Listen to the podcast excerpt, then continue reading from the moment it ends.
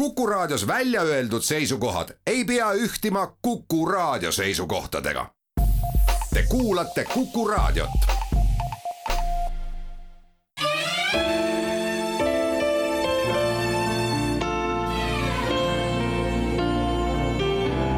nädala raamat. Vladislav M Subok, Kollaps, Nõukogude Liidu kokkuvarisemine, kirjastuselt Varrak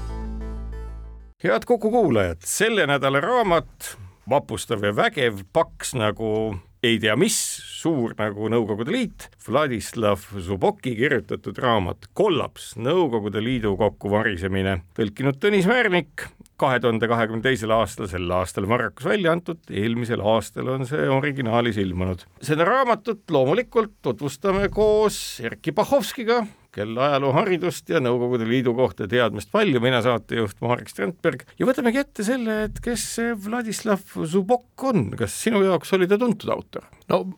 ma olen lugenud refereeringuid talle, ta on kirjutanud ka jah,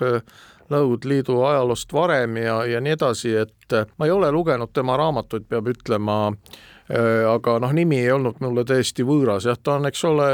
Venemaal üles kasvanud, siis emigreerunud Ühendriikidesse ja praegu õpetab ta siis Londoni majanduskoolis, nii et eh, noh, tegemist on sellise rahvusvahelise taustaga inimesega ja, ja noh, oma ringkondades kindlasti tuntud ja tunnustatud inimene. Hariduse on ta saanud Moskva ülikoolis ja Kanada ja Ameerika uurimise instituudis või kuidas neid seal iganes nimetatakse juba sügaval nõukogude ajal, kui ilmselt ei olnud üliõpilasel kindlasti veel ühtki märki, et see riik kokku kukkuma hakkab, aga mis on selle raamatu puhul, mida tuleb nagu lugejatele potentsiaalsetele kindlasti öelda, ta vist kuni eelmise aastani või jätkuvalt ju kasutab Vene arhiive. jaa, no see on huvitav jah, ja, ja, ja noh, samas on ju ka see, et äh, need Vene arhiivid on võib-olla mõneti suletud, teisest küljest äh, just see vabanemise ajad, ütleme seal Glasnost ja, ja Jeltsini algusaastad Venemaa eesotsas, siis äh, väga palju arhiive mitte ainult ei avanenud, vaid ka tegelikult ju digiteeriti ja tehti neid ärakirju ja koopiaid ja need, neid tegelikult, need Vene arhiivid, see võib-olla on isegi selline üldmõiste, et et see ei tähenda ilmtingimata seda, et sõita kuskile suletud või hermeetilisse arhiivi ja saada sealt, ma ei tea, kas mõõduka tasu eest nii-öelda juurdepääsuluba, vaid see võib tähendada ka seda, et ollakse pääsetud ligi kellegi isiklikele arhiividele, mingisugustele dokumentidele ja nii edasi, et noh, neid materjale tegelikult liigub päris palju. no kuussada lehekülge raamatut, millest on ju väga ulatuslikult kõikvõimalikke viiteid ja muid asju, nii et noh, raamatu enda maht tekstina on võib-olla seal mingi nelisada pluss lehekülge ja sealt nagu ronib välja kõikvõimalikke üsna isiklikke nagu märkmeid ja tähendusi ja kõige huvitavam on see, et see ajas samas aeg, mida see raamat käsitleb nagu detailis, on ju mõni kuu, mõned kuud alates putšist natukene enne, kuni siis toimus kollaps. Noh, tegelikult see raamat algab siiski vara, varasemast ajast, ta algab juba Andropoviga ja autor ka põhjendab seda, miks ta Andropoviga algab, et noh, tegelikult see ju, ju praegugi möödub äh, nelikümmend aastat äh, Brežnevi surmast tuhande üheksasaja kaheksakümne teisel aastal ja noh, see oli niisugune murrang, eks ole, et, et Brežnevi ajastuga sai läbi tõesti mingisugune etapp Nõukogude Liidu ajas, ajaloos, võimule tuli Andropov ja noh, Andropov oli siis nii-öelda jutumärkides sissejuhatus Gorbatšovile. Ma saan aru, et Gorbatšovi jaoks oli ta, seal raamatuski on ju mainitud korduvalt seda, et ka Gorbatšovi abikaasa Raissa on kirjeldanud seda, et just nimelt Andropovile on nad tänu võlgu väga paljudes asjades. no Andropov oli jah, teatud mõttes mentor, Gorbatšovi mentor ja, ja noh, Andropov sai ka aru, et midagi tuleb teha. et noh, niimoodi enam ei saa jätkata, nii nagu Brežnevi ajal, eks ole, kus nii-öelda sussi lohistati ja noh, mitte midagi ei toimunud, no me ise mäletame ka seda aega ju. no me olemegi ju no, ia poolest oleme olnud selle nii-öelda Titanicu peal, mille uppumine toimus, noh, olles seal peal, me tõenäoliselt ei taibanud toona paljusid asju. no me ei teadnud, erinevalt Titanicu reisijatest, me ei teadnud, et me põhja lähme, et me arvasime, et meil on ikka nagu üldiselt hea, et noh, ehkki noh, ütleme, need märgid olid näha, aga noh, ma arvan, et et mina kindlasti ei olnud sel ajal äh, ka oma vanuse tõttu nii informeeritud, et midagi järeldada, et nüüd Nõukogude Liit kukub vältimatult kokku ju et äh, seda kindlasti mitte, aga noh, informeeritumad inimesed ja noh, kahtlemata poliitbüroo liikmed ju seda olid, äh, said aru, et, et noh, võidujooks läänega on kaotatud, et Nõukogude süsteem on ennast ammendanud ja, ja noh, midagi tuli ära teha, küsimus oli ainult mida. Ma saan aru kõikidest nendest äh, aspektidest, mida seal ka Zubok kajastab, et ega väga otsese tekstiga ju need poliitbüroo ja kõrgema juhtkonna inimesed omavahel ju ka ei rääkinud. see oli ikkagi valdavalt selline noh, kuidas ma ütlen, liblikate keel, milles räägiti ühest või teisest asjast ja võib-olla oligi raske, et nad olidki üsna vanatätid seal ja sellest liblikate keelest ka arusaamine oli päris raske. no see on põhimõtteliselt seesama, mis praegu Venemaal toimub, et kui lugeda, eks ole, George Orwelli raamatut tuhat üheksasada kaheksakümmend neli, kus kirjeldatakse seda uuskeelt või kaksishoima, siis, siis me näeme ju ka praegu seda, et Vene eliit elab ju oma välja mõeldud maailmas. Ja eks poliitbüroo ju ka elas mingisugust oma elu ja nad ei teadnud, mis siis nagu tegelikult toimub, et võib-olla tegelikkusest toimuvast said aru võib-olla mõned KGB töötajad, võib-olla ka mõni poliitbüroo liige ja, ja ma arvan, et Gorbatšov sai ka aru, aga, aga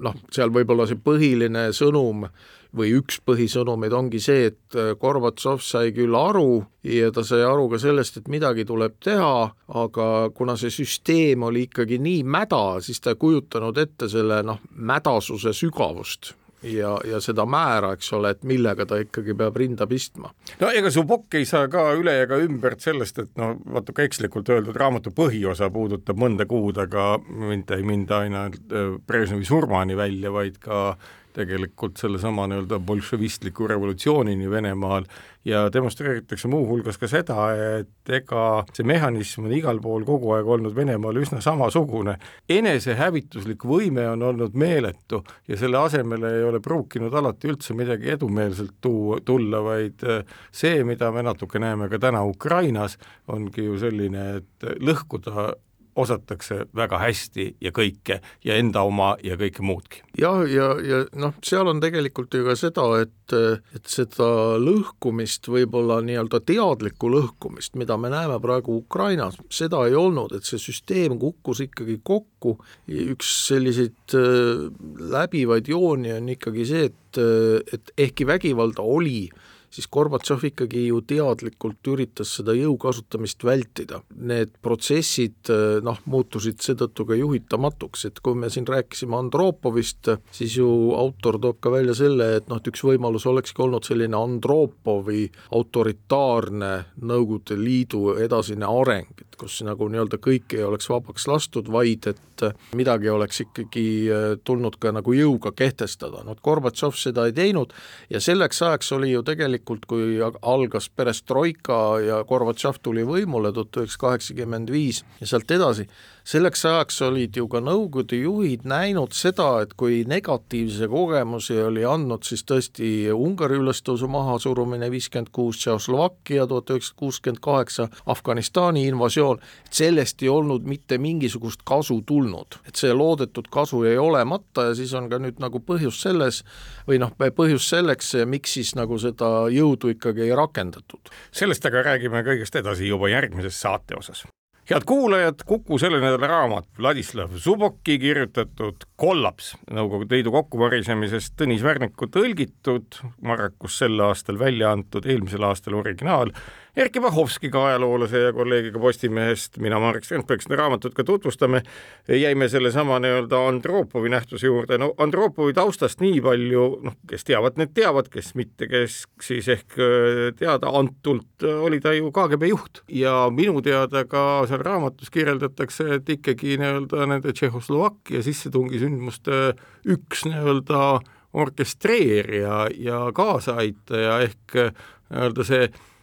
meelemuutus või see pragmatism isegi, mis nagu viimases hädas, eks ole, kui Brežnev oli läinud, kui kõik hakkas logisema, kui kõik said aru, et nagu ikka midagi on väga mäda, kui ütleme, Gorbatšovi ajaks nagu sealt raamatustki mäletan vist kolmandik Nõukogude Liidu sisemajanduse kogutulust tuli ju millest? Viinast ja alkoholist. ja, ja noh, see kuiv seadus, seda peaksid jah, vanemad inimesed mäletama, aga korra tagasi veel selle, selle vägivalla kasutamise juurde, et tegelikult ju näitas Poola kogemus, et saab ka teisiti, et see, et Poola solidaarsus pandi kinni ikkagi Poola enda võimude poolt ja Nõukogude Liit jäi nagu kuidagi seal tahaplaanile, näitas seda, et saab ka niimoodi. ja see oli võib-olla positiivne kogemus, mis võib-olla andis ka Andropovile õppetunni, aga tõepoolest see, et et nüüd see kuiv seadus ju noh, seda siis kehtestas Gorbatšov seda juba. kehtestas Gorbatšov ja see, see oli kohutavalt naljakas, mis siis hakkas toimuma, eks ole, noh, me kõik mäletame seda laulu, eks ole, et ikka viin, viin, viin ja ikka joon, joon, joon ja mis siis äh,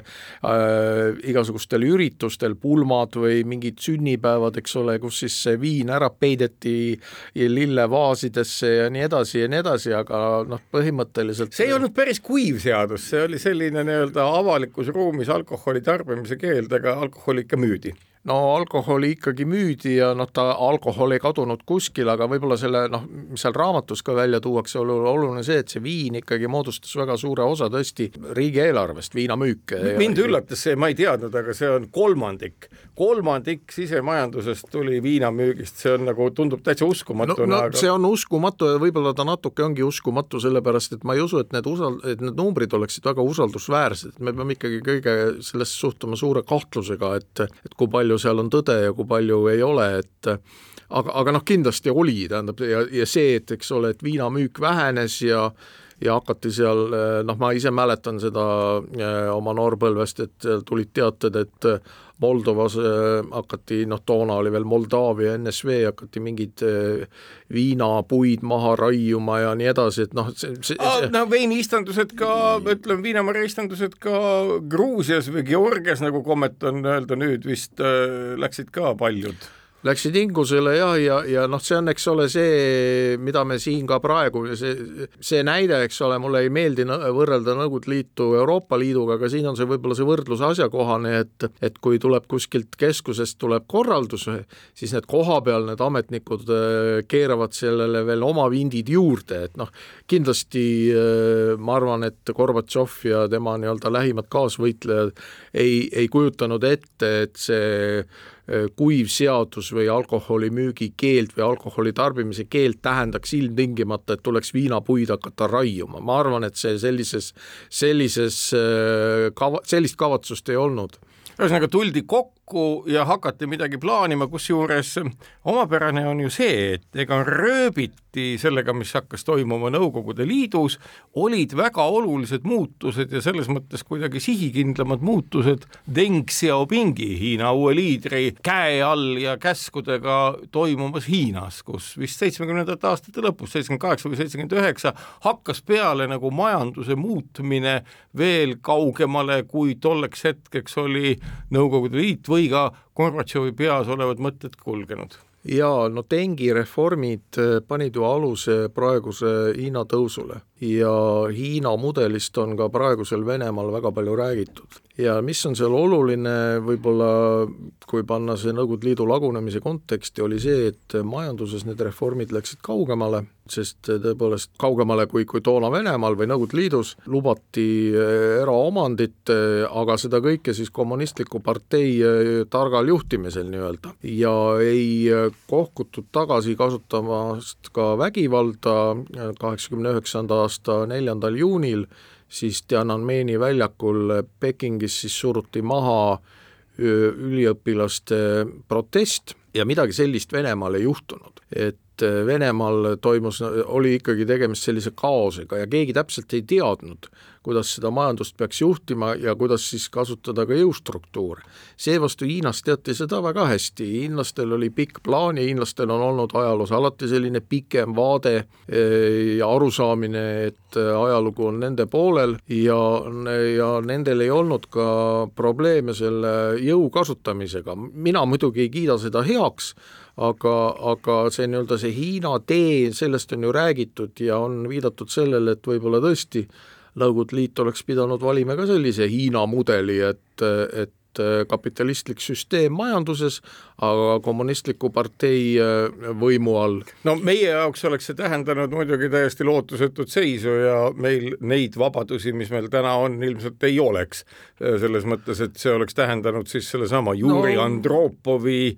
jätkamist, õnneks tal tervist ei olnud. no ilmselt me elaksime jõukamalt, eks ole, sest noh, tänapäeva hiinlased, eriti noh, urbaniseeritud, urbaniseerunud hiinlased elavad ju ikkagi suhteliselt jõukalt, aga ehkki, ehkki maapiirkondades ei ole pilt nii ühes no vot, see ongi küsimus, et kas Eesti jäänuks siis nii-öelda uue võimu ja riigi maapiirkonnaks või mitte? jaa, no tegelikult ja vägivalla peale ma jõudsin mõelda ka, et mis on nagu Hiina ja, ja, ja Venemaa erinevus, on see, et, et hiinlastel ei olnud kõhklusi äh, kasutada vägivalda siis oma rahva vastu ja kui me vaatame nüüd Nõukogude Liitu, siis äh, need äh, nii-öelda need vägivallaaktid, mis leidsid aset noh, Gruusias, Aserbaidžaanis, äh, Baltimaades, need olid ikkagi ju nii-öelda teiste rahvastega. no ma mõtlen siin seda, et, et keskjõud siis versus mingi muu rahvus aga kui jõudis kätte see otsustav moment, ehk siis äh, riigipöördekatse üheksakümne esimese aasta augustis, siis seal tekkis ju see moment, mida seal raamatus nagu rõhutatakse väga palju, et äh, Vene armee ei saa kasutada jõudu venelaste vastu aga seda momenti ei olnud ju näiteks Baltimaades ja, ja siin on see küsimus, eks ole. ehk et nad olid loomult üsna natsionalistlikud, mida nii-öelda Zubok vahel vabandab välja, et see on pigem patriotism. nojah, et aga see, see on see küsimus, eks ole, et kui me kujutame ette näiteks, et no ütleme seal, konstrueerime mingi hüpoteetilise mudeli, et üheksakümne esimese aasta riigipöördekatse oleks toimunud näiteks, hakanud kuidagi Leedust pihta ja otsustav moment oleks olnud, ütleme seal Leedu parlamendi juures, et kas siis oleks äh, Vene eriüksused käitunud teistmoodi kui äh, Moskvas Valge Maja juures. Seda me ei oska ennustada, see on ei, see, mis, mis oleks olnud, aga, aga meil läks... on õigus see küsimus küsida. just, ja meil kuidagi läks see asi niimoodi, et õiguslikult me olime natukene nagu samas seisus kui esimese vabariigi tekkelgi, kus inimesi, kellel oli piisavalt õiguslikku ettekujutust ka sellisest riigiõigusest, olid päris palju ja otsused, mida tehti siin, olid üsna läbimõeldud jah, ja ehkki me olime ju viiskümmend aastat elanud maailmast ära lõigatuna, olid inimesed ikkagi saanud ju suhteliselt normaalse hariduse ja, ja ma ütleks ka, et sealt raamatust tuli ka välja, et noh, et Baltimaade poliitikud olid nutikad, nad oskasid seda lugeda nii-öelda seda äh, poliitilist aktuaalsust või seda poliitilist äh, hetke ja kasutasid seda maksimaalselt ära, et, et nad oskasid mängida Jeltsini ja Gorbatšovi omavahelistele vastuoludele, sellele, et äh, ei iseseisvunud ainult äh, ju Baltimaad või, või ei tahtnud iseseisvuda ainult Baltimaad, vaid tegelikult iseseisvus ju ka Vene Föderatsioon ja baltimaalased kasutasid seda nutikalt ära, et selles mõttes äh, autor tunnustab Baltimaade poliitikuid ja, ja ütleb, et äh, nad olid äh, poliitiliselt äh, kavalad. aga edasi räägime juba järgmises saate osas. head kuulajad, Kuku selle nädala raamat Kollaps, kirjutanud Vladislav Zubok, kirjastus Marrak sel aastal välja andnud, eelmisel aastal esmatrükk koos Erkki Bahovskiga, kes ajaloolane, mina Marek Strandberg saatejuhina sellest raamatust räägimegi ja mis seal kirjas on. üldiselt joonistub ka Zuboki luttudes välja ju see, et süü või põhjus oli ikkagi Gorbatšov, kes mõnes mõttes nagu sellist äh, Andropovi võib-olla plaanitud hoopis teistmoodi hakkas ellu viima. nagu me teame, oli mitmed nii-öelda Gorbatšovilikud kontseptsioonid, esimene neist oli glasnost ehk avalikustamine või niisugune demokraatia levitamine ja teine oli perestroika ehk asjade ümberkorraldamine või reform. ja saan aru, et äh, nii Zubok kui ka hilisemalt väga paljud nii-öelda praktilised poliitikud heidavadki Gorbatšovile ette just nimelt noh, meie mõttes ju väga hea, et ta nii tegi. meile tekkis sellest suur hulk võimalust, mida Zubok raamatus, nagu sa eelmises osas kirjeldasid, ju ka välja toob, et baltlased on hoopis muu tubakas nii-öelda asjaajamisel aga nii-öelda heidetakse talle ette seda, et äh, kõigepealt tuli glasnost ja siis tuli perestroika, mis äh, oli nagu järgnevuse mõttes natukene vale, sellepärast et majandusest tulnuks alustada. ja noh, majandus on ka tegelikult selle raamatu üks läbivaid jooni ja, ja Subok on veendunud selles, et üks põhjusi, miks Nõukogude Liit lagunes, oli ikkagi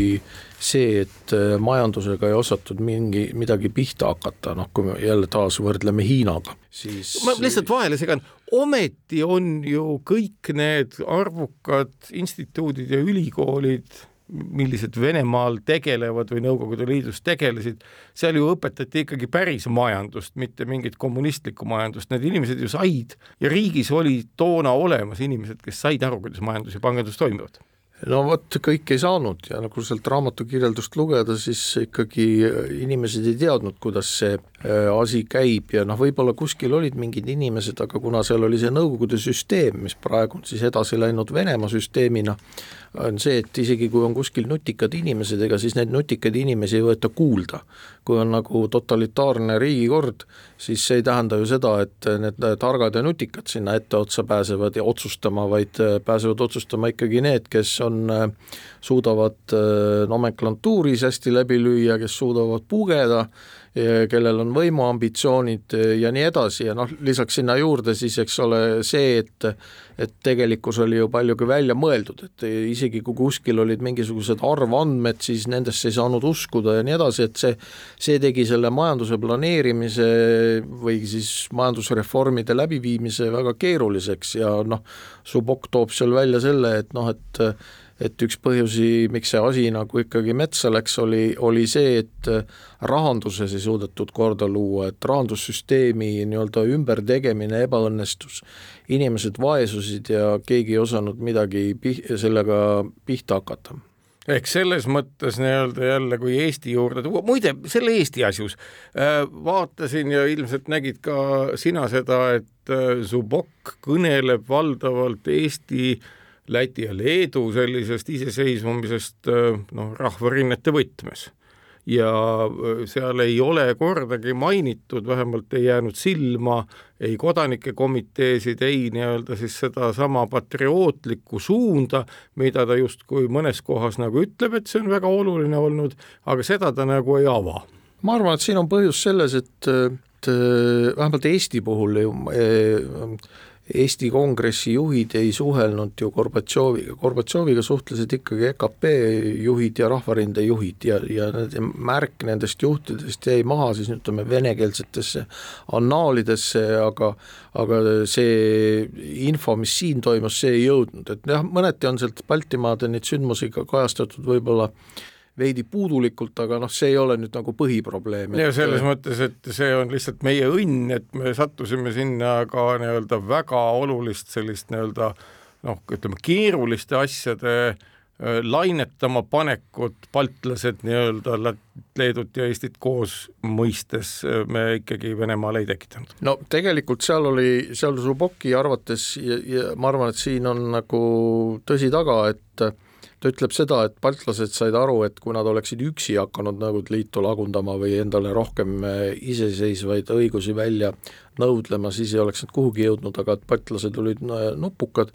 nad said aru, et eh, kui kõik liiduvabariigid hakkavad seda tegema, et siis nii-öelda, siis on neil lootust ja nad siis sütitasid selle pisiku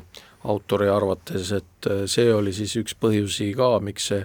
Nõukogude Liidus see, see asi nagu käest ära läks, sest äh, see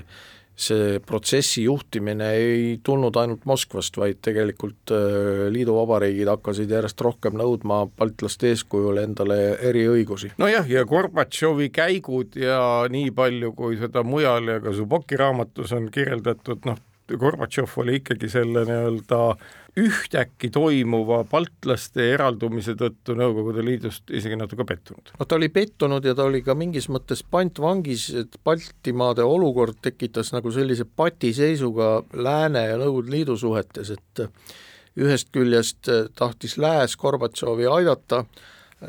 noh, pidades Gorbatšovi siis ainsaks garandiks sellele, et Nõukogude Liit kuidagi muutub või et muutub nagu liberaalsemaks, et Nõukogude Liiduga on võimalik asju ajada, seal on noh, küsimus selles, et mis ajast siis nagu läänes saadi aru, et Nõukogude Liitu ei ole võimalik enam päästa ja, ja mis aeg oli siis see, et kus leiti, et Gorbatšoviga tuleb asju ajada ja teisest küljest noh, Lääs pidi ikkagi toetama ka enda poliitikat, mis on siis see, et Baltimaid, Baltimaade okupeerimist annekteerimist Nõukogude Liitu ei tunnustatud, tuli anda ikkagi lootust ka Baltimaadele ja, ja see kõik äh, tekitas niisuguse väga keerulise olukorra, noh lisaks sinna juurde, eks ole, need strateegilised huvid, ma pean siin silmas, eks ole, tuumarelvi, tekib ju küsimus, eks ole, et kui Venemaal tekib, kui Venemaal tekib kaos, siis mis saab tuumarelvadest, kui Venemaal tekib kodusõda, noh, kes siis äh, omandab tuumakohvri, Lääs pidi sellega arvestama. Ja siis sealjuures olid siis, eks ole, Baltimaad ja Zubok ütleb ka, et noh, tegelikult Baltimaade positsioon oli hea, poliitikud olid nutikad, aga ta toob välja ka selle, et baltlastel olid ka head väliskogukonnad, eriti Ameerika Ühendriikides, kellel oli teatud mõju, nii et see Balti küsimus ei olnud lihtne küsimus ja noh, üks murdepunkte ongi need verised sündmused üheksakümne esimese aasta jaanuaris Vilniuses ja Riias, mis siis tegelikult kallutasid lääne arvamuse selgelt Baltimaade poolele ja kindlasti noh, kiirendasid Nõukogude Liidu kokkuhukkumist. Zubok on ise öelnud ühes intervjuus muuhulgas ka seda, et kui ta oleks kirjutanud selle raamatu mõned aastad varem, siis see raamat oleks täiesti teistsugune olnud. praegu selles saate osas enam ei jõua rääkida, aga järgmises saate osas tuleb juttu Venemaast ja Ukrainast, mis on võtmeküsimus ja ma kujutan ette, et kui ta oleks selle raamatu kirjutanud sel aastal, oleks see pilt olnud hoopis teine. jaa kahtlemata. no aga jätkamegi oma juttudega järgmises saate osas head Kuku kuulajad, selle nädala raamat Vladislav Zuboki kirjutatud Kollaps Nõukogude Liidu kokkuvarisemisest Varraku poolt sel aastal välja antud koos Erkki Bahovskiga, mina, Marek Strandberg, seda raamatut ka tutvustame ja nüüd kõik need sündmused, mis hakkasid nii-öelda pääle üheksakümne esimese aasta augustiputšiga, kus Gorbatšov pandi koduaresti, tankid voolasid või tanketid või kuidas me iganes neid nimetame siia Eestisse, Lätti ja Leetu ja oli selline kodusõjaeelne või sõjalise sekkumise eelne olukord, see kõik läks mööda üllatuslikult kolme päevaga, see oli nagu mingisugune mõistetamatu asi, kus taustad on ilmselt ka pärast seda Suboki raamatut veel avaldamata, aga üks tõsine nii-öelda vaidlus, mis ju käima läks, oli ikkagi vaidlus Ukraina ja Venemaa vahel seda väga paljudel põhjustel, küll tuumarelvade asjus, mida sa juba mainisid, aga ka selle tõttu, et äh, väidetavalt Jossif Stalini kavaluse tõttu, et hääli rohkem oleks, oli ka Ukraina ÜRO liige nagu Vene Föderatsioon või Nõukogude Liit õigemini. ja sealt läks lahti selline nägelemine äh, võitlus Ukrainas rahvuslaste ja aparatšikute vahel, mille siis võitis presidendina ja liidrina omal ajal, eks ole, Leonid Kutšma, tegelikult me helbime seda suppi halvas mõttes tänase päevani. Jaa, noh, siin tulebki öelda, et nagu tervikuna üldse, mitte ainult Ukrainat silmas pidades, vaid tervikuna see raamat oleks ilmselt omandanud hoopis teistsuguse mõõtme, kui see oleks kirjutatud pärast Ukraina sõja puhkemist siis tegelikult ju tuleb tagasi minna ja mõelda sellele, et mis siis, mis siis nagu valesti läks. sest selles raamatus, nagu ka paljudes teistes raamatutes, on Nõukogude Liidu lagunemist võetud ikkagi kui sellise lõpliku protsessina Aga... Suboki mõne jutu mõne... järgi ma saan aru, et see kestab siiamaani. no just, ja nüüd tulebki küsida, et noh, tegelikult see kestab ju siiamaani, eks ole, et me ei ole seda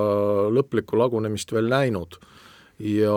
ja noh, tuleks võib-olla otsida ka märke, see on muidugi tagantjärele tarkus, aga noh, ajaloolased ja publitsistid võiksid sellega tegeleda, et eh, kus need märgid olid või e eod nii-öelda, millega siis pandi algus sellele praegusele konfliktile. et mis siis läks kolmkümmend aastat tagasi valesti ja, ja noh, ega siin ei ole nagu ühe, ühiseid märke, et noh, mis puudutab tõesti seda ÜRO asja, siis see plaan Ukraina, Valgevene ja mõnikord on räägitud isegi ka Leedust, siis et need võiksid siis olla iseseisvalt ÜRO-s. See tugines sellele või eeldusele, et et Nõukogude Liidul ei ole vetoõigust, sest ÜRO ju teatavasti ju alguses pandi, hakati seda kokku panema, siis oli igasuguseid plaane, kuidas see ÜRO siis nagu tekiks, milline see Julgeolekunõukogu on ja nii edasi, aga pärast seda, kui äh, Nõukogude Liit äh, sai vetoõiguse Julgeolekunõukogus, siis noh, langes ära ka vajadus iseseisva Ukraina NSV järele ÜRO-s kuigi ta on, oli alles. jah, ja, ja, ja noh, sellele on pri-, viidanud ka praegu, eks ole, Ukraina saadik ÜRO-s ja Ukraina juhid, et noh, tegelikult ju äh, Venemaad ei ole kunagi Ukraina või ei ole, Venemaad ei ole kunagi ÜRO liikmeks ju võetud, eks ole, et ÜRO liige oli Nõukogude Liit. jaa, seda on seal Zuboki loo, lugudes ka aru saada, mis ta kirjeldab, et eks see ole üks kõige keerulisem asi, mille siis Nõukogude Liidust üle võttis Venemaa ja mida ta jättis võtmata. ehk et ta ju ei tunnista Vene Föderatsiooni end täielikult Nõukogude Liidu õigusjärgseks ja, ja nii edasi. noh, see on jah omaette teema muidugi, et jah, et see on ju võimendunud eriti praegu, eks ole, et võetakse üle rõõmuga võit teises maailmasõjas Saksamaa üle ja nii edasi, aga ei taheta midagi rääkida stalinistlikest või kommunistlikest kuritegudest, Gulagist ja nii edasi, et seda nagu ei olegi olemas pluss muidugi, kui me mõtleme Ukrainale, siis noh, Ukraina näljahäda ikkagi enne teist maailmasõda ja, ja nii edasi, et need, need suhted Ukrainaga on jah, väga keerulised, see raamatus võib-olla ei ole see põhieesmärk, aga tõenäoliselt jällegi, et kui see raamat oleks kirjutatud pärast Ukraina sõja puhkemist, siis ilmselt sellele Ukraina mõõtmele oleks rohkem tähelepanu pühendatud. kas me oleks näinud siis äh, hüpoteesina jälle natukene teistsugust Zubokki, mitte nii, ütleme, eemal olevat, mida ta püüab veidi teha, aga oluliselt paremini ja selgemalt polariseeritud, sellepärast et ega mina seda raamatut läbi lugedes lõppkokkuvõttes ei saanudki aru, mis siis Zuboki enda nagu mõtted on või noh, piltlikult öeldes nagu ikka me küsime, kelle poolt ta on? ja no see on jah, väga keeruline, noh, ma arvan, et siin on ka teatud piirid seavad talle ikkagi ette need asjaolud, et kui ta avaldab selle raamatu nagu Yale'i ülikooli kirjastuses, siis sinna ei saa nagu, seal ei saa avaldada poliitilisi pamflette. kui ta on nagu rahvusvahelises äh, ülikoolis või noh, Londoni majanduskoolis õppejõud, siis ta ei saa olla ideoloog et, et mõnes mõttes on see paratamatu. seda pidurdamist on äh, seal mitmetes tekstides näha, et nagu justkui hakkab peale, noh, ega inimene ju väga palju oma emotsioone ju varjata ei suuda tekstis, et kui sa tekstiga tegeled, siis sa näed, ja siis ta nagu panebki pidurit, et okei okay,, ma ei lähe lähemale sellele teemale jah, noh, võib-olla, võib-olla see tuleneb ka sellest äh, lihtsast asjaolust, tekstil on piirid, ma mõtlen siin füüsilised piirid. Et kirjastus ütles, et noh, et äh, üle kuuesaja lehekülje ei saa lihtsalt kirjutada, et, et see muidu läheb nagu ikkagi mõttetuks. ja noh, eks ta pidi tegema valiku, iga ajaloolane peab tegema valiku noh, mingil määral saab natuke aimu tema hoiakutest, kui lugeda lõppsõna, et et ta ütleb, et äh, Nõukogude Liidu lagunemine ei olnud paratamatu, ütleb, et üks võimalusi olekski olnud selline Andropovi tee ja noh, siis meil oleks olnud ju kaks Hiinat no jaa, kaks Hiinat ja nii edasi ja noh, siis ta ikkagi kordab üle ka seda vana ja minu arvates valet müüti, Venemaa kukkus läbi, eks ole, sellepärast, et seal oli šokimajandus ja, ja Lääs Venemaad ei aidanud ja Lääs aitas ülejäänud Ida-Euroopat, noh tegelikult Lääs ju paigutas Venemaale ka väga palju raha ja šokiteraapiat me saime siin kõik maitsta, et see ei olnud ainult Venemaa, mina mäletan nagu hästi ja ma arvan, et sina samamoodi, et et mina olen, istusime külmas ja kortermajas ei olnud äh, kütust, et äh, kütet, et, et radiaatorit kütta, mantliga istusin, korteris oli seitse kraadi sooja. mina tegin Mit... niimoodi laboris katseid no, muideks nii-öelda täpselt samamoodi. mitte midagi süüa ei olnud, eks ole, nii edasi, see oli samamoodi šokk, inflatsioon oli ka, rubla lendas taevasse rubla väärtus kukkus kolinal ja nii edasi, et aga millegipärast räägitakse, et vaat see kõik juhtus ainult Venemaal. no ei juhtunud ju Eestis oli see täpselt samasugune ja selles mõttes nii-öelda ega aeg oli üsna karm, et eh, noh, jah, jällegi, et eh, läheme veel varasemaks seda nii-öelda kokkukukkumist ettevalmistumisel, siis ju Venemaa on kogu aeg nagu arvanud, et noh, ma arvan jätkuvalt arvatakse, et noh, et Venemaa kokkukukkumine oli mingi lääne vandenõu, et no just, näed, ameeriklased leppisid kokku saudidega, et OPEC alandab nafta hinda kõvasti, paiskab naftat turule ja venelased ei saa siis müüa, ehk et äh, nende selline identiteet, mis ka sellest nagu Suboki loost välja paistab, on ikkagi see, et kõik on meie vastu. ja, ja ka ma arvan, et siin on ka natuke ajaloolisi juuri, et, et on ju tegelikult ju olnud sündmusi või protsesse, kus Venemaa on kukkunud kokku kukkunud jutumärkides lääne sõbraliku abiga, no ma meenutan seda, eks ole, et kuidas siis äh, Saksa kindralstaap tõi tuhande üheksasaja seitsmeteistkümnendal aastal Venemaale Lenini, siis äh, aidates teda, eks ole, läbi Saksamaa äh, sõita ja siis äh, Rootsi ja Soome kaudu Lenin Venemaale jõudis ja asus kohe riiki õõnestama. Ja see töötas väga hästi. Ja nüüd noh, siis venelased mõtlevad, et see on kogu aeg kordub niimoodi, jah aga sellest räägime juba oma viimases saate osas. head Kuku kuulajad, kollaps Vladislav Zubok, selle nädala raamat ja selle nädala raamatu autor, tõlkinud Tõnis Värnik, Varraku kirjastuse poolt sel aastal välja antud Erkki Pahhovski, Postimehe ajakirjanik ja toimetaja ja ajaloolane ja mina, Marek Strandberg, sellest raamatust räägimegi, mõlemad oleme seda lugenud. mõtlengi seda, et äh, no ilmselt oled sa ka varem selliseid nii-öelda kopsakaid ajalooteoseid lugenud, no minul oli üks noh, ütleme nii lühikest aega, mis oli see nagu piltlikult öeldes need mõned kuud, eks ähm, äh, käsitletud Äh, nii põhjaliku materjaliga reaalselt esimene kord elus. sul on vist varem ka ette tulnud sellise põhjalikkusega äh, väga väikest ajaperioodi nii põhjalikult käsitletud? on jah, ma nüüd ei julge nüüd nimetada siin äh, kindlaid, noh, ma meenutan, et tegelikult Eesti ajaloolased on ju kirjutanud ka samas, samast perioodist, Mati Krahv on kirjutanud tegelikult päris korraliku ülevaate siin,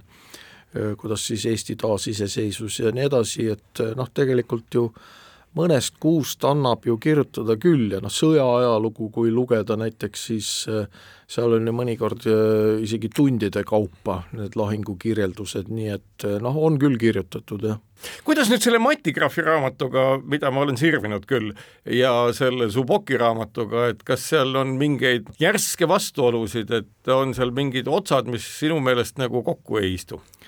Ei, ei minu meelest ei ole järske vastuolusid, ma muidugi lugesin seda Mati Krahvi raamatut, noh ikka, ikka tubli, ma arvan, mingi kümme aastat tagasi, aga Mati Krahvil on äh, selge nii-öelda see Baltimaade vaade, aga see on selles mõttes väga kasulik ja ta on töötanud allikatega, see ei ole mingisugune heietus. praegu tuleb mulle meelde, et noh, küllalt sarnased olid äh, kirjeldused sellest, äh, miks üheksakümne esimese aasta augusti riigipöörde katse läbi kukkus, et noh, Mati Krahv ütles ka, et seal on, eks ole, need olid pehmed, Eh, nad lootsid võib-olla, miks nad ei kasutanud vägivalda, miks nad ei arreteerinud eh, vastasrinna liidreid, noh ka peamiselt siis Boris Jeltsinit, oli see, et nad võib-olla siis ei tahtnud läänt hirmutada ja, ja tahtsid läänele näidata, et eh, nad on nagu nii-öelda, jätkavad nende lääne suhete arendamist. Ja noh, põhimõtteliselt sama võib-olla detailsemalt räägib siis lahti ka Subok seal, et et et eh, noh, selles mõttes ma ei, ma ei, ma ei, praegu küll ei julge öelda, et seal oleksid mingisuguseid suuri vastuolusid. Jeltsin tuli mõnes mõttes nagu väga täpselt teadev neurokirurg, millisesse kohta võib skalpelli sisse lajatada ja kuidas võim lõigata enda kasuks. see on seal ka nagu väga selgelt näha kuidas juhtus niimoodi, et Gorbatšovil kõik käest pudenes, kas sellesama asja tõttu, et ta valedes järjestustes oma asju ajama hakkas? Gorbatšovil ei olnud otsustuskindlust ja, ja poliitilist äh, nagu taipu mõne koha pealt ja noh ometi oli ta läänes hästi populaarne ja oma riigis põlatud. no see oligi see vastuolu, ta oli tegelikult ju oma riigis ka alguses populaarne, et äh, aga noh, siis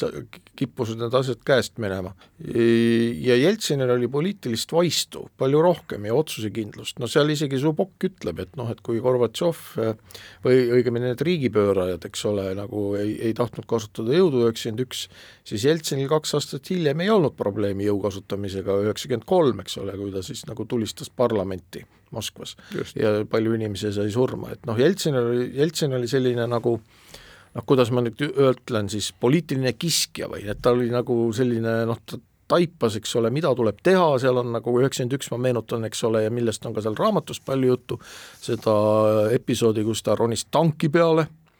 ja nõunikud olid nagu väga ehmunud, ütlesid, kõigepealt ütlesid, et ära üldse välja mine, on ju, keegi ei teadnud ju, mis saab aga Jeltsinil oli hea nina, ta ronis sinna tanki peale, sellest sai väga otsustav kaader, seda näitas CNN, eks ole, seda näitas ka meil Eesti Televisioon, seal tuleb jah välja see Jeltsini ja Gorbatšovi erinevus. kogu see sündmuste ahel, õigemini siis Gorbatšovi äh, tegevus Venemaal, Nõukogude Liidus ja kõik see periood, ma olen aru saanud, et on arvukate Hiina uurimisasutuste huviorbiiti tõusnud just nimelt selle tõttu, et vaadata, milliste vigadega riik laiali laguneb. ehk et hiinlased jälgivad ilmselt sedasama ajalugu ja tõenäoliselt on Zuboki raamat juba ka hiina keelt, ma ei vaadanud muideks, et kas see on ka juba hiina keelde tõlgitud, aga igal juhul saan ma aru, et äh, hiinlaste jaoks on see eluline küsimus, aru saada igast kui nüansist, kus selline totalitaarne võim kombinatsioonis majandusliku eduga äh, võib untsu minna. Jaa, kahtlemata ja nagu ma ütlesin, siis see on ka vastupidi, eks ole, et äh, Venemaal uuritakse ka ju hoolega, et miks Hiinal õnnestus äh, kommunistlik kord säilitada, aga minna üle kapitalismile ja miks Nõukogude Liidus see ei õnnestunud. Ja noh, mõlemat pidi jah, ja noh, kindlasti Hiina, Hiina jälgib hoolega ja teeb ajaloost oma järeldusi. Noh, tõenäoliselt äh, Hiina käitumine praegu, ka praegu rahvus, rahvusvahelises olukorras äh, on ka mõjutatud sellest, mis toimus Nõukogude Liidus kolmkümmend ja üle kolmekümne aasta tagasi ma vaatan kõiki neid lugusid, mis seal Subokil arenevad ja need on põnevad iseenesest ja ma näen ainult Baltimaade ja mõõdukalt siis näiteks seal Gruusia, Armeenia, Aserbaidžaan või Kesk-Aasia suunal veel nagu mingit hoiakut selle kohta, et jah, et võib-olla demokraatlikud vabadused on üks nagu selline eeldus, noh, Baltimaade puhul me teame, et nii see läks ja see oli väga oluline aga Venemaa puhul mitte kordagi ei leidnud ma vähemalt seda momenti, kus oleks arvatud, et äh, mingi demokraatlik aspekt päriselt, nii nagu see avalikustamine Gorbatšovi kontseptsioonis mõeldud oli, glasnost nimelt, oleks nagu olnud põhjendatud ulatuslikumalt, mis oleks nagu lagunemise järje jätnud. no seal on tegelikult ju viiteid küllalt palju sellele, et paljud Vene demokraadid ju ikkagi soovisid seda demokraatiat, aga ma arvan, siin on see probleem on selles, et mida mõista demokraatia all. et, et noh, esialgu oli lihtsalt see, et et me tahame Nõukogude korra nagu maha jätta, aga kuidas siis hakata üles ehitama riiki, kus demokraatlik kogemus on olnud väga napp, seda nagu ei osanud keegi ikkagi ette kujutada et äh, need demokraatia ja, ja õigusriik ja ütleme seal väike... tundmatu asi Venemaa jaoks. see on tundmatu asi, need olid jälle ainult selline sõnade retoorika ja küsimus oli selles, et kuidas nendele anda nagu reaalne sisu. seal oli ikkagi ka selline ma ei ütleks, et see oleks olnud nii-öelda see imperialistlik lähenemine, aga, aga nojah, nagu sa ütlesid, patriotistlik, et et ikkagi noh, see on ka nagu uhkuse küsimus, eks ole, et sa ei saa ju lasta läänel ennast õpetada lõputult, et me oleme ise targad ja nii edasi, aga, aga selle omaenese tarkuses siis ikkagi jõudis Venemaa sinna, kuhu ta praegu jõudis, et ma ma, ma, ma arvan, et seal osa probleeme on nagu selles, et see demokraatia ja ütleme seal austus ka näiteks väiksemate naabrite suhtes, et need olidki ainult sõnad, et äh, ma kunagi rääkisin äh, ühe meie välispoliitika nii-öelda korüfeega ja ja ma meenutasin tõesti ju seda jaanuaris üheksakümmend üks toimunud äh, Baltimaade toetusmeeleavaldusi Moskvas, kus pärast siis Riia ja Vilniuse sündmusi nagu tulid ju Moskvas sajad tuhanded inimesed kokku toetama Baltimaade iseseisvust. aga küsimus ongi selles, ma, mida siis see korüfee mulle ütles, et, et kui palju nad üldse said nagu aru, mida see iseseisvus ikkagi reaalselt tähendab. Venemaa puhul vist kõige Venemaa vabadus, et millest vabaks? no jah, et mitte milleks vabaks, vaid millest vabaks. millest jah ja., millest vabaks. ja noh, kõik arvasid, vot et need, et Nõukogude Liit on niisugune nagu asi, millest tuleb vabaneda, aga kuidas siis edasi hakkavad moodustuma Venemaa ja Baltimaade suhted ja ma arvan, et ikkagi reaalselt venelased ei mõelnud see, sellele, et Baltimaad tahavadki olla täiesti suveräänsed. Nad äh, ikkagi arvasid sellele, et kas siis elatakse nii-öelda sõbralikult koos, aga et noh, et Moskva ikkagi dikteerib kuskilt otsast neile seda välis- ja kaitsepoliitikat ja, ja no, et nad on nii-öelda Moskva mõjusfäärist. et sellele, et äh, Eesti, Läti, Leedu võiksid saada nagu täielikult äh, suveräänseks ja siis pöörduda nagu täielikult läände, sellele usutavasti Moskvas väga palju ei mõeldud. no igal juhul on Zuboki raamat Nõukogude Liidu kollapsist äh, põhjalik teos, mida ma usun, et ainult mitte seda kollapsit üle elanud, vaid ka kõik hilisemad inimesed, kes seda ka näinud ei ole, võiksid lugeda, sellepärast et seal on sellist ideoloogiat, nagu sa ütlesid, väga vähe, Yale'i ülikool ei saa lubada endale seda, et kirjutatakse ideoloogiline teos. nii et äh, vaadake sinna sisse, see nõuab põhjalikku närimist, aga toob teie ette pildi nendest loetud kuudest, mille vältel Nõukogude Liit kokku kukkus, millist asja te ei ole tõenäoliselt ennem ühestki ajalooõpikust lugenud. sellega on nädala raamat tutvustatud, head lugemist teile ja kaunist päeva!